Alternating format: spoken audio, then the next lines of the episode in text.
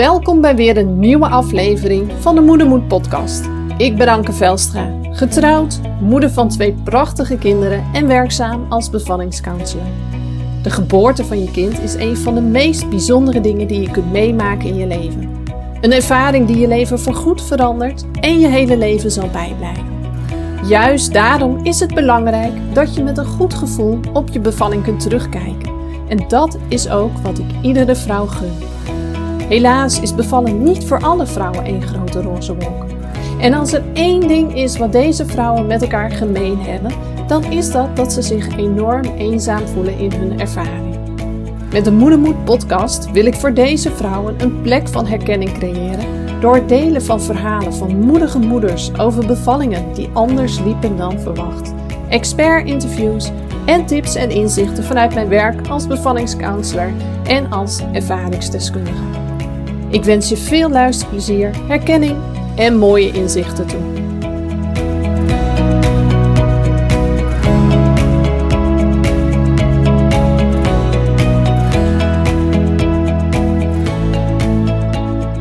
Hey, wat leuk dat je er weer bent en dat je weer luistert naar de nieuwe aflevering van de Moedermoed podcast.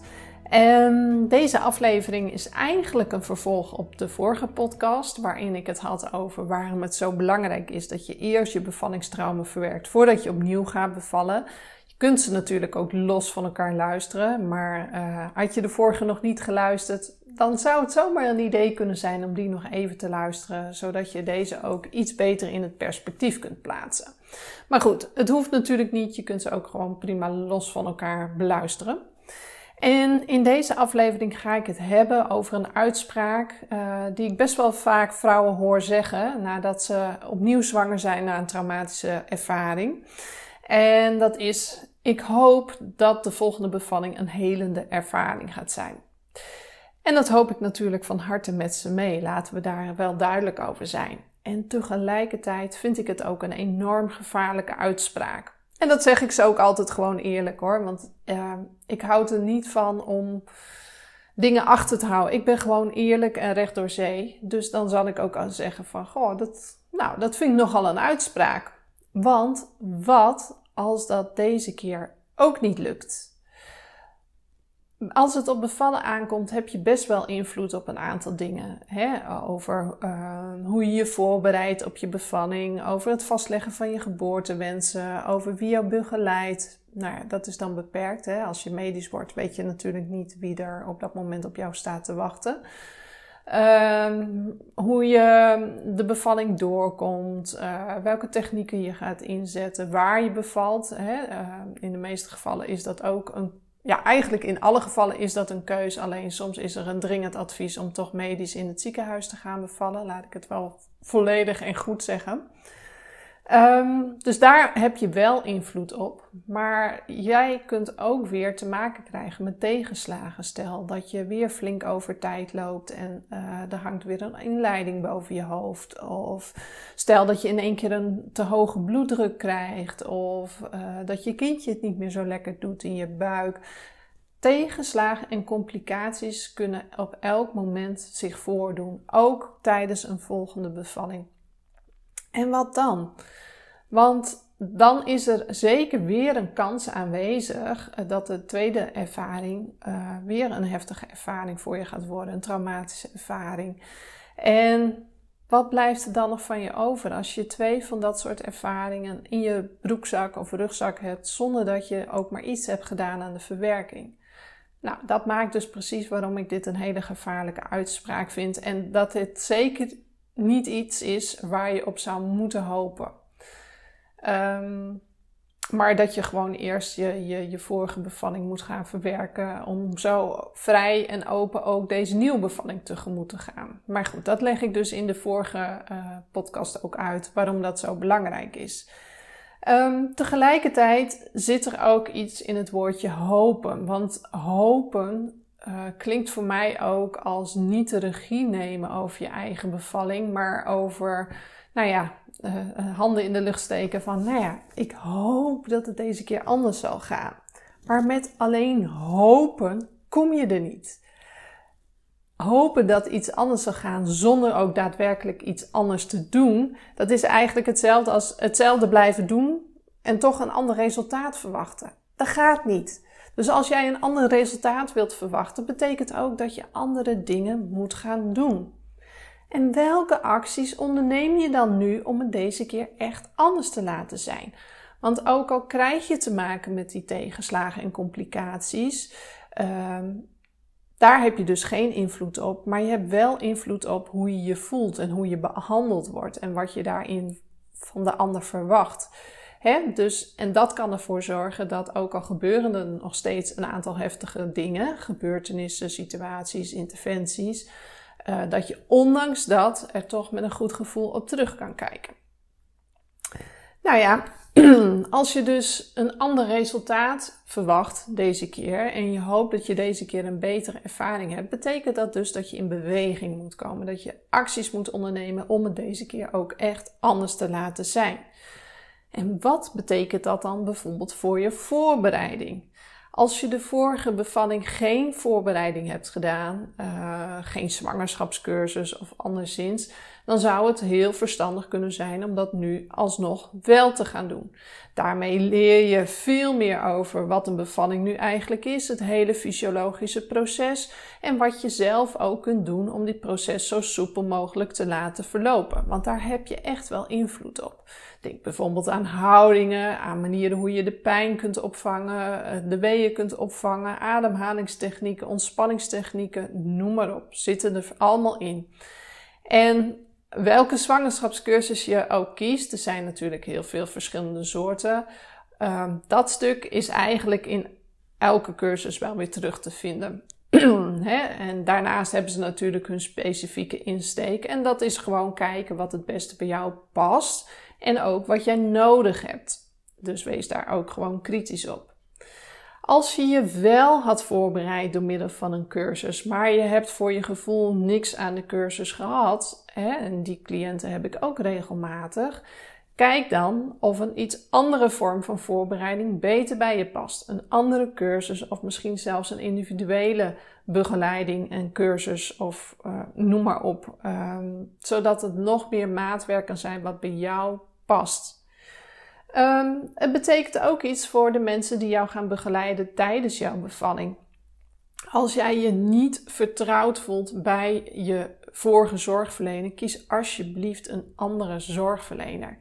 Ik weet nog dat um, ik op een gegeven moment was de zwangerschapswens bij mij heel, heel erg sterk. En toch voelde ik dat er iets was dat me tegenhield om die stap te kunnen zetten. Ik wist ook dat op het moment dat ik volledig ja zou kunnen zeggen tegen deze zwangerschap, ik ook direct zwanger zou zijn. Dat voelde ik heel diep van binnen. Maar ik kon, ik kon die laatste stap, dat daadwerkelijk doen, dat kon ik gewoon nog niet. En op dat moment deed ik uh, masteropleiding systemisch werken. En ik had zoiets van, nou, ik, ik ga dit vraagstuk inbrengen in een opleidingsdag. Mogelijk kunnen we er een opstelling mee doen. Nou, dat hebben we toen gedaan.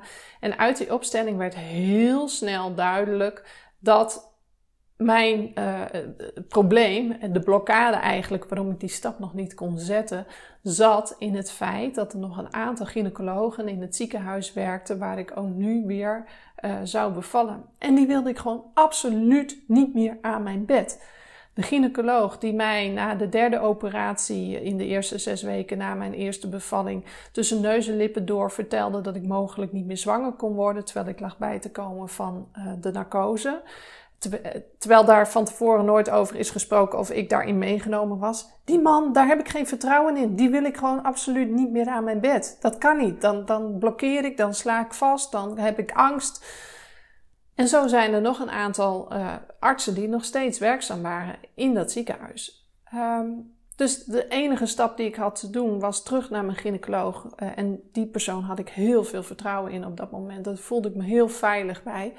En het bespreekbaar maken. Dus dat uh, is wat ik heb gedaan. Ik kon gelukkig vrij snel terecht op het spreekuur. Ik heb het gewoon er neergelegd.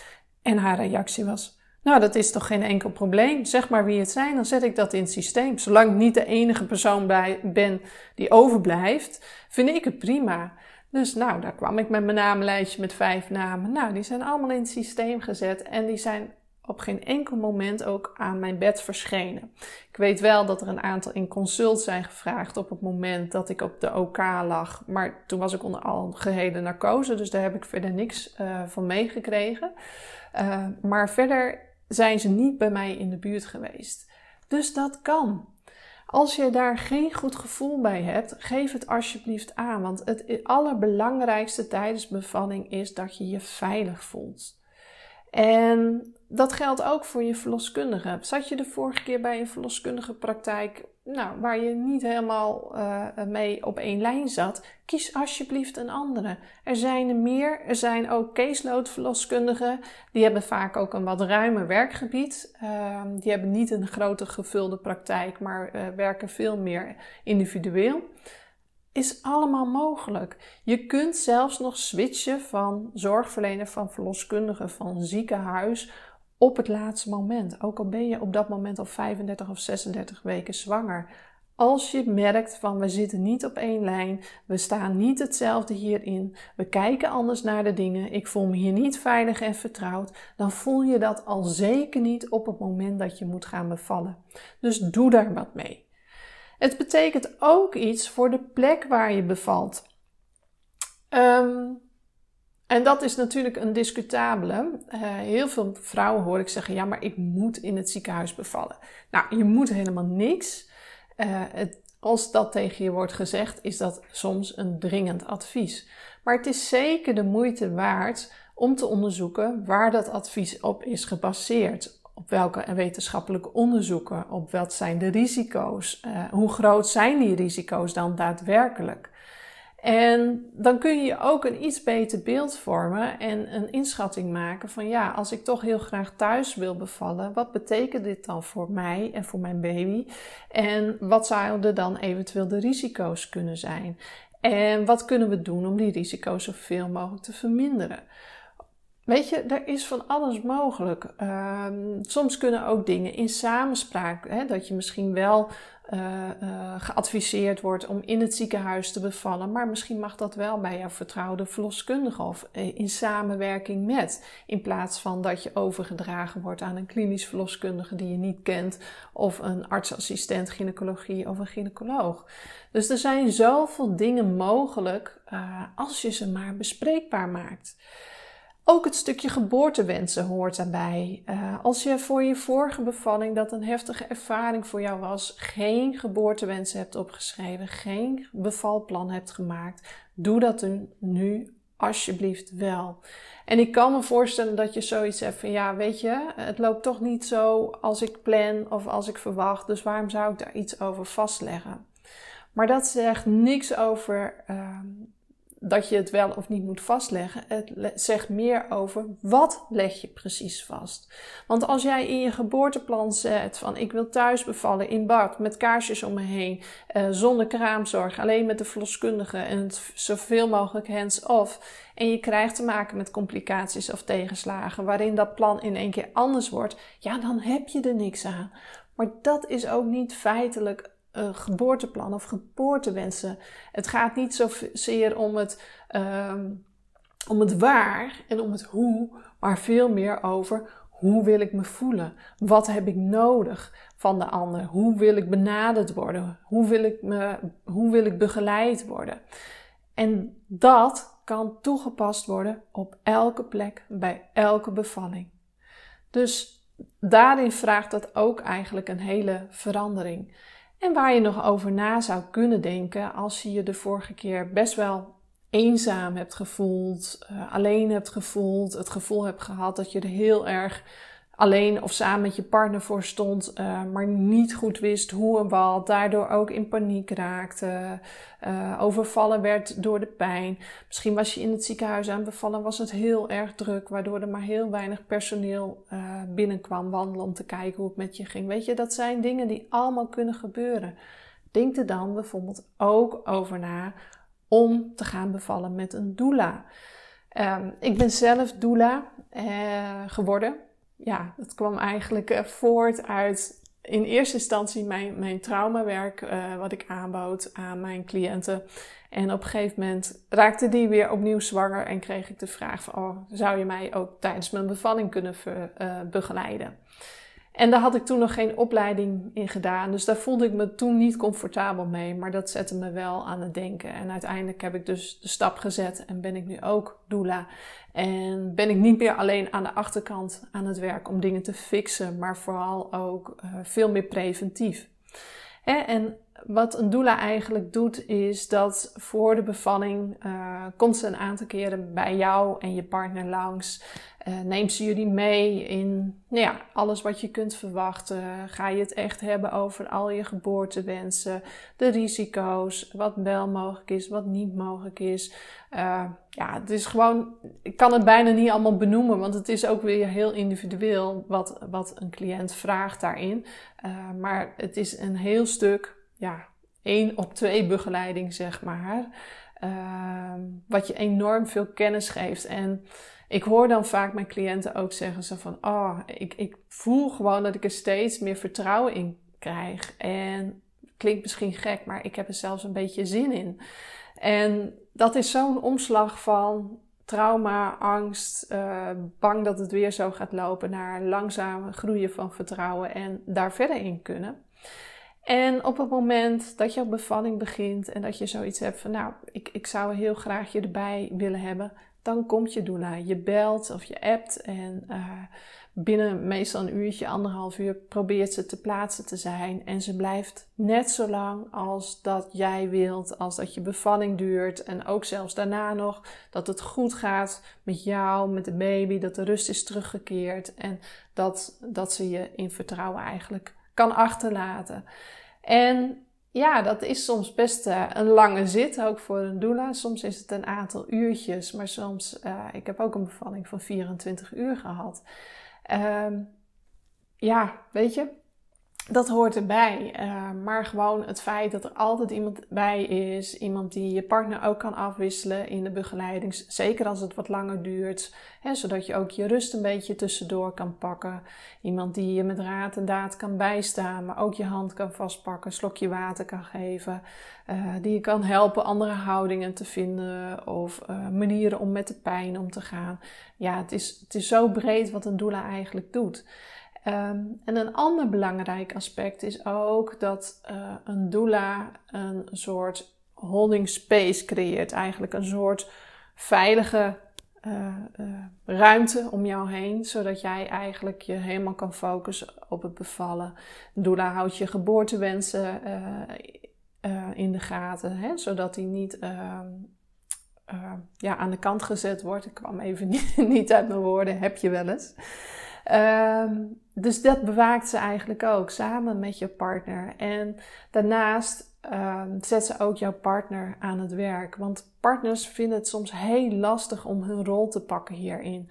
Uh, zien hun, hun, vrouw voor het eerst met zo, of nou ja, eigenlijk tweede keer uh, als je al een eerder ervaring. Maar ze zien hun vrouw met veel pijn, met onmacht, soms een stuk paniek, willen wel van alles, maar hebben eigenlijk totaal geen idee hoe. Een doula die zet de partner in zijn kracht. Van joh, hey, probeer dit eens. Of je zou dat eens kunnen doen. Hè? Dus, en dat vind ik ook zo mooi om te zien. Want um, ik uh, bijvoorbeeld op een bepaalde manier van ademen. Of soms zeg ik dingen tegen mijn cliënt die helpend zijn. En het mooie vind ik altijd dat de partner daarin volgt. Dat hij in één keer inspiratie krijgt van, oh ja, maar dat kan ik zeggen. Oh ja, dat kan ik doen. Oh, zo kan ik in de rug duwen om de pijn weg te nemen. Dus langs mijn hand krijgen zij er ook vertrouwen in van, yes, ik, ik kan iets praktisch doen. Ik kan me nuttig maken. Ik kan mijn vrouw hierin helpen. En dat is zo, zo fantastisch mooi uh, om te zien. Hè? En de doula neemt dan ook een stapje achteruit. Want ja, wij zijn geen vervanger van een partner. We zijn een extra toevoeging. En wat de partner zelf kan doen, willen we ook graag dat de partner zelf doet. Alleen we kunnen helpen hoe ze dat het beste kunnen doen. En dan wordt het ook gewoon echt een, een, een gedeelde ervaring tussen partner en vrouw. Ja, fantastisch om dat, uh, om dat te zien. Nou ja, ik kan daar nog wel heel veel over vertellen, maar ik ben gewoon echt ontzettend enthousiast over, over doulaschap. Um, het mooie is, uh, ik, ik heb weer uh, twee cliënten, uh, ook doula-cliënten. En de eerste ga ik vrij over een paar weekjes alweer voor op wacht. En daarna dan ben ik even vrij en dan ga ik alweer op wacht. Dus super leuk om, om dat te zien en weer te mogen meewerken. En meemaken bedoel ik.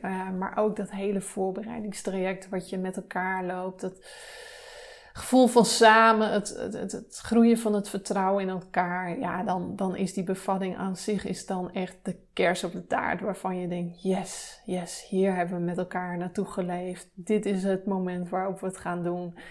En op het moment dat die baby dan geboren wordt, ja, dan hou ik het vaak niet droog hoor.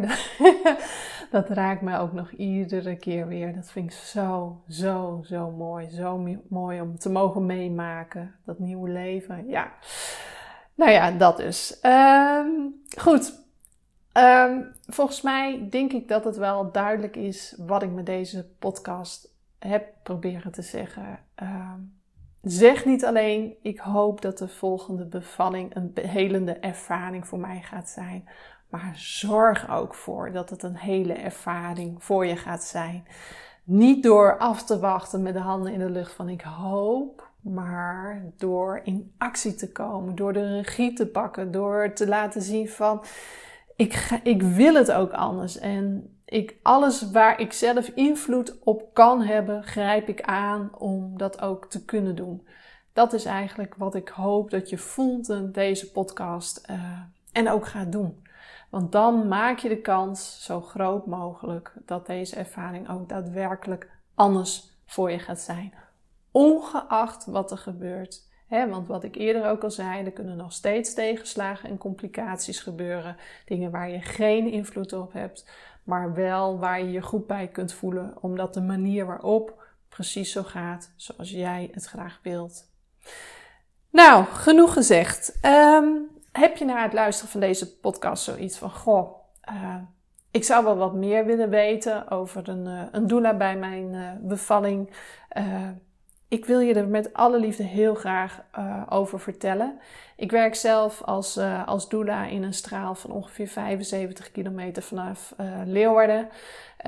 nou ja, daar hoort Friesland natuurlijk bij. Daar hoort een groot stuk van Groningen bij. Daar hoort een stuk van Drenthe bij. Een stukje Kop Overijssel, Noordoostpolder. Dus woon je daar en heb je zoiets. Nou, ik, ik, ik zou daar wel meer over willen weten. Kunnen we eens een keer vrijblijvend kennis maken... Altijd. Gewoon doen. Stuur me een, uh, een berichtje via social media of een mailtje via contact.ankevelstra.nl. Uh, ehm, en we, we, ja, we hebben op korte termijn uh, contact en gaan we er verder over in gesprek. Hey, dankjewel voor het luisteren. Um, ik hoop dat je hier wat aan hebt gehad. Heb je mooie inzichten gedaan? Um, ja, heb je mooie inzichten opgedaan, moet ik zeggen, dan zou ik het super leuk vinden als als je daarover iets uh, deelt, bijvoorbeeld in je stories. Uh, want via jou kan ik dan ook andere vrouwen uh, bereiken die mogelijk ook wat aan deze podcast zouden kunnen hebben. Hey, dankjewel en tot de volgende podcast.